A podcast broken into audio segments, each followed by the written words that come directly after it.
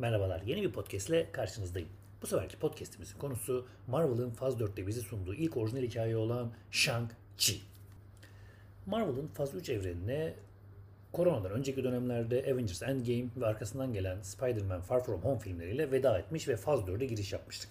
Aslında Faz 4'e girmeden önce benim belirli korkularım vardı çünkü Marvel gerçekten elindeki bütün önemli süper kahramanların e, bu Endgame filmiyle ve devamında gelen Far From Home filmiyle elemiş ve elimizde aslında bir avuç kahraman kalmıştı. Kaptan Amerika'yı kaybetmiştik, Iron Man'i kaybetmiştik. Seri izleyenler bilir ve daha birçok kahramanın da sonun nereye varacağı bilinmediği bir evrede Marvel Faz 3'ü kapattım dedi ve Faz 4'e geçiyoruz dediği zaman hepimiz biraz korktuk. Ve Faz 4'e geçtiğimiz sırada Marvel binlerce proje açıkladı. Bunların bir kısmı da o dönemde aslında daha korona yaygın olmasa da Disney Plus için yapılmış bazı orijinal diziler ve devamında gelen birçok sinema filmiydi. Bu sinema filmlerini duyduğumuz zaman ben oldukça heyecanlandım. Yalan söylemeyeceğim ve duyduğum bazı filmler beni gerçekten olduğundan daha çok heyecanlandırdı. Ama mesela bunların içinde aslında Shang-Chi yoktu. Bu arada bunu söylemek zorundayım. Beni en çok heyecanlandıran projeler arasında işte Moon Knight, e, Falcon and Winter Soldier, She-Hulk gibi Disney Plus dizileri vardı. Ee, Spider-Man No Way Home filmi ki kendisinin paralel evrenlere giriş yapacağı ve tabii ki Doctor Strange'in Multiverse, Multiverse of Madness filmi beni en çok heyecanlandıran filmlerdeyken Shang-Chi diye bir film de duyurdular arada. Biz aslında hepimiz ha, herhalde arada öyle bir geçiş filmi olacak ve çok da önemli olmayacak film olduğunu düşündük. Faz 4'e dediğim gibi hepimiz gibi benim de bazı korkularla bakıyordum ve ne yapacağını, evreni artık nereden kuracaklarını düşüneceğimiz bir noktadaydık. Yani elimizde bir Iron Man yok, Robert Downey Jr. artık elimizde değil. Chris Evans, Kaptan Amerika yaşlandığı ve emekli olduğu kalkanı devretti. Bakalım ne göreceğiz derken Faz 4'ün ilk filmi yakın zamanlarda biraz korona yüzünden tabii ki bu kadar geç kaldı ama sinemalarda Black Widow'la yayınlandı. Black Widow aslında Faz 4'ün ilk film olmamakla beraber aslında Faz 3'e ait olan Faz 3'teki bir ara dönemi anlatan bir filmdi. Ve bu ara döneminden bize hani Black Widow'un orijinal hikayesini görmeden herhalde Scarlett Johansson'a veda etmek istemedikleri için yaptıkları bir film oldu. Velhasıl kelam filmle ilgili başka bir podcast'te konuşuruz ama ben çok sevmedim. Ve arkasından da Shang-Chi çıktığı zaman da hani gidip gene izleme kararı verdim ama büyük de bir heyecanla gitmedim. Sanırım ya bu heyecanla gitmememden kaynaklı bilmiyorum ama Shang-Chi bana gerçekten son zamanlarda izlediğim en iyi Marvel orijin hikayesi olarak göründü. Daha önce bildiğiniz gibi Faz 3 dönemlerinde Captain Marvel, Black Panther gibi birçok aslında çok daha önemli karakterlerin orijinal hikayelerini son dönemlerde bize sunmalarına rağmen bu hikayeler beni çok fazla cezbetmemiş. Hatta bazı filmlerde sıkılmış bir şekilde çıkmışlığında olmuştu. Nedense artık Marvel benim için e, Avengers serisiyle yani bir kahramanları bir araya getirdiği topluluklarla ön plana çıkan bir sinema evreni kurmaya başladığı izlenimi doğmaya başlamıştı ve böyle tekil hikayelerde çok da başarılı sonuçlar almadığını düşünmeye başlamıştım. Velhasıl kelam Shang-Chi beni bu konuda yanılttı ve gerçekten uzun zaman sonra iyi bir orijin hikayesi ve iyi bir solo kahraman filmi izlemiş hissiyle sinemadan çıktım ve gerçekten bir anında bile sıkılmadım.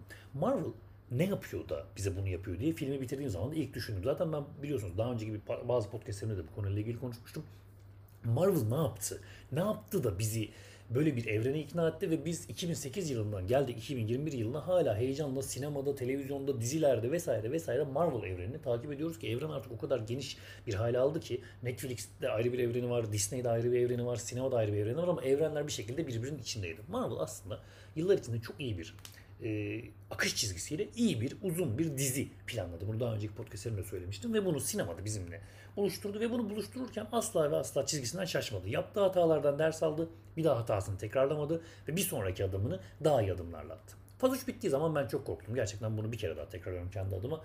İyi bir Marvel evreni göremeyeceğiz artık. O eskisi gibi büyük savaşlar, büyük epik dramalar göremeyeceğiz derken adamlar Shang-Chi diye aslında 70'lerde, orijinal 70'lerdeki Kung Fu dizilerine dayanan bir Kung Fu karakterinden bir kahraman yarattılar. Ve bunu Shang-Chi'nin neredeyse orijinal hikayesini yeni baştan tasarlayarak yaptılar. Bunun için belirli sebepleri vardı. Shang-Chi'nin orijinal hikayesi biraz ırkçı. 70'ler dönemine göre belki normal karşılansa da şimdi göre çok ırkçı görülen, işte Çinlileri kötü gösteren bir hikayeyken şimdiki evrende bu hikayeyi baştan tasarladılar. Mandarin karakterini Shang-Chi evreninin içine soktular ve Ten Rings yani bizim 10 halka dediğimiz e, kuruluşu da bir şekilde işin içine soktular. Aslında ben yanlış hatırlamıyorsam bu hikaye 10 yüzük olması lazım ama sanırım Marvel bunu da tasarlarken baştan tasarlamış ve daha epik ve daha güzel bir hale getirerek o Turnings'i 10 halka şeklinde yeniden tasarlanmış bir şekilde karşımıza çıkardı. Kısaca bahsedersek Shang-Chi ne? Shang-Chi kendi halinde Amerika'da yaşayan bir genç olan Shang, Shang karakterimizin aslında geçmiş hikayesinde babasının Ten Rings'in kurucusu Wen Wu olduğunu biz görüyoruz. Ve e, Shang-Chi babasından kurtulup kendine basit mütevazi bir hayat kurmaya çalışırken bir şekilde tekrardan kendini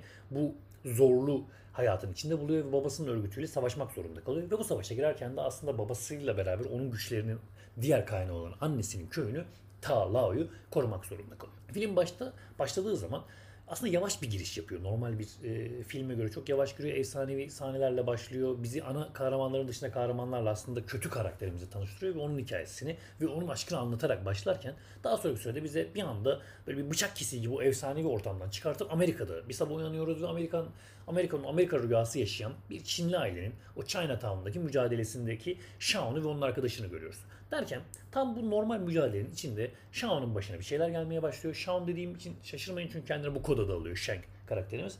Ee, otobüste bir anda birkaç adamla muhteşem bir dövüş sahnesine girişiyor ve film aslında bence otobüs sahnesiyle başlıyor. Önceki kısmı prolog şeklinde bize e, karakteri tanıtıyor, karakterin hikayesini tanıtırken bu dakika itibariyle biz Shang-Chi efsanesine giriş yaptığımızı hissediyoruz ki bu da takribi olarak filmin 20-25. dakikalarına denk geliyor.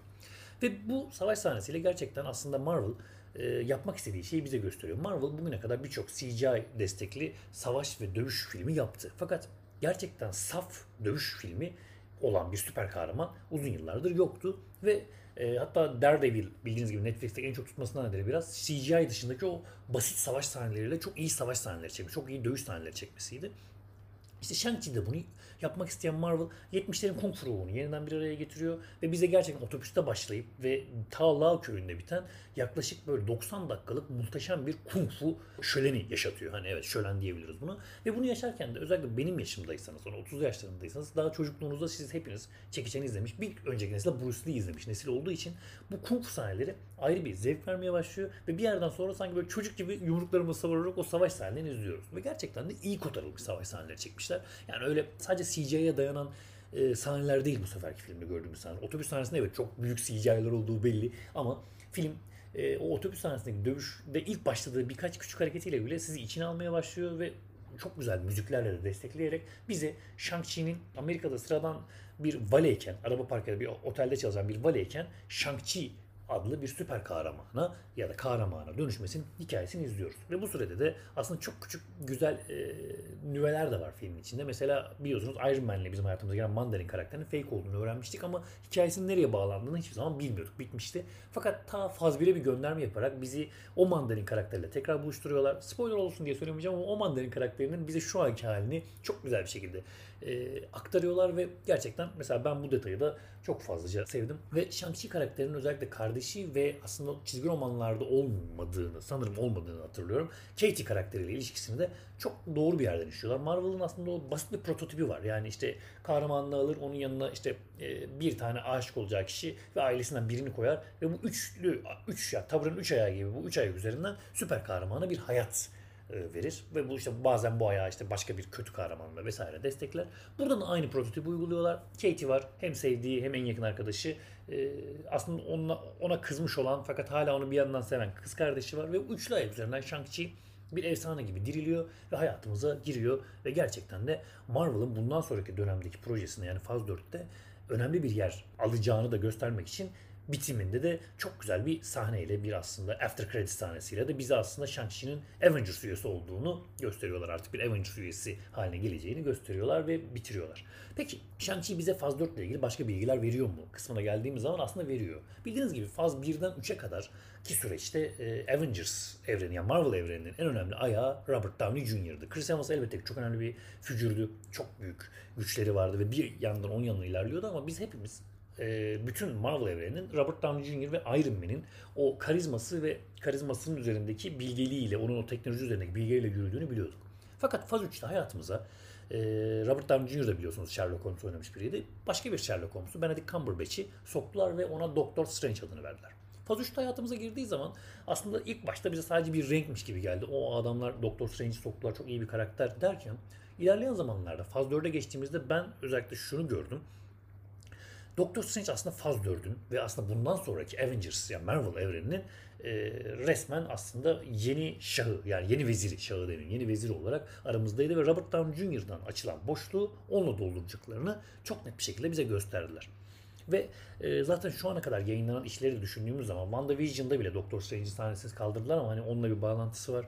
E, efendime söyleyeyim Loki hikayesinde paralel evrenlere girdiler. Gerçi direkt bir bağlantı kurmadılar. Spider-Man Far From Home'da çok görüyoruz ki zaten Doctor Strange çok önemli bir yerde. Doctor Strange and Multiverse Madness e, filminin WandaVision'la bağlantılı olduğunu biliyoruz. Ve bu filmde de gene Doctor Strange'i görmesek de Doctor Strange'in en yakın arkadaşı Wong ki kendisi sanırım son zamanlarda Avengers evreninde en çok gördüğümüz karakterlerden biri. E, bu filmde de büyük bir rol oynuyor ve e, bu filmde de aramıza katılıyor. Yani biz buradan aslında Faz 4 ile ilgili şu gerçeği öğrendik ya da görmeye başladık. Faz 4'te Doctor Strange beklediğimizden daha büyük roller oynayacak ve Faz 3'te oynadığı aslında o hani 1 milyon ihtimalden biri var dediği ihtimalden daha büyük rolle Faz 4'te karşımıza çıkacağını gösterdi. Umarım bu Faz 5'te de devam eder. Faz 5'te ne olacağını artık düşünemiyoruz. Ve Shang-Chi'nin de bu süreçte aslında Faz 4'te iyi bir savaşçı olarak Avengers evrenine katıldığı ve Avengers'ın süper kahramanlarından biri olduğunu görüyoruz.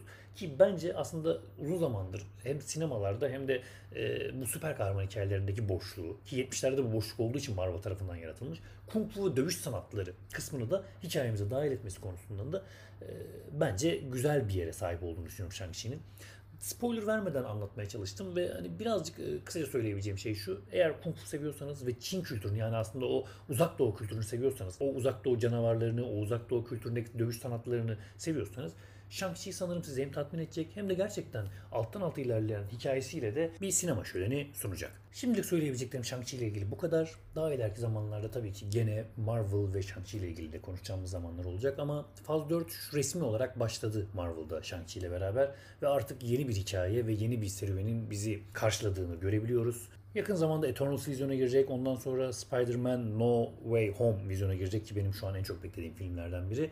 Ee, ve bu süreçte de biz de sanırım yeteri kadar artık yeniden Marvel'a ve Avengers'a doyacağız diye düşünüyorum. Bakalım bizi neler bekliyor ama şimdilik benim size önerim Shang-Chi'ye gidin izleyin. Pişman olmazsınız.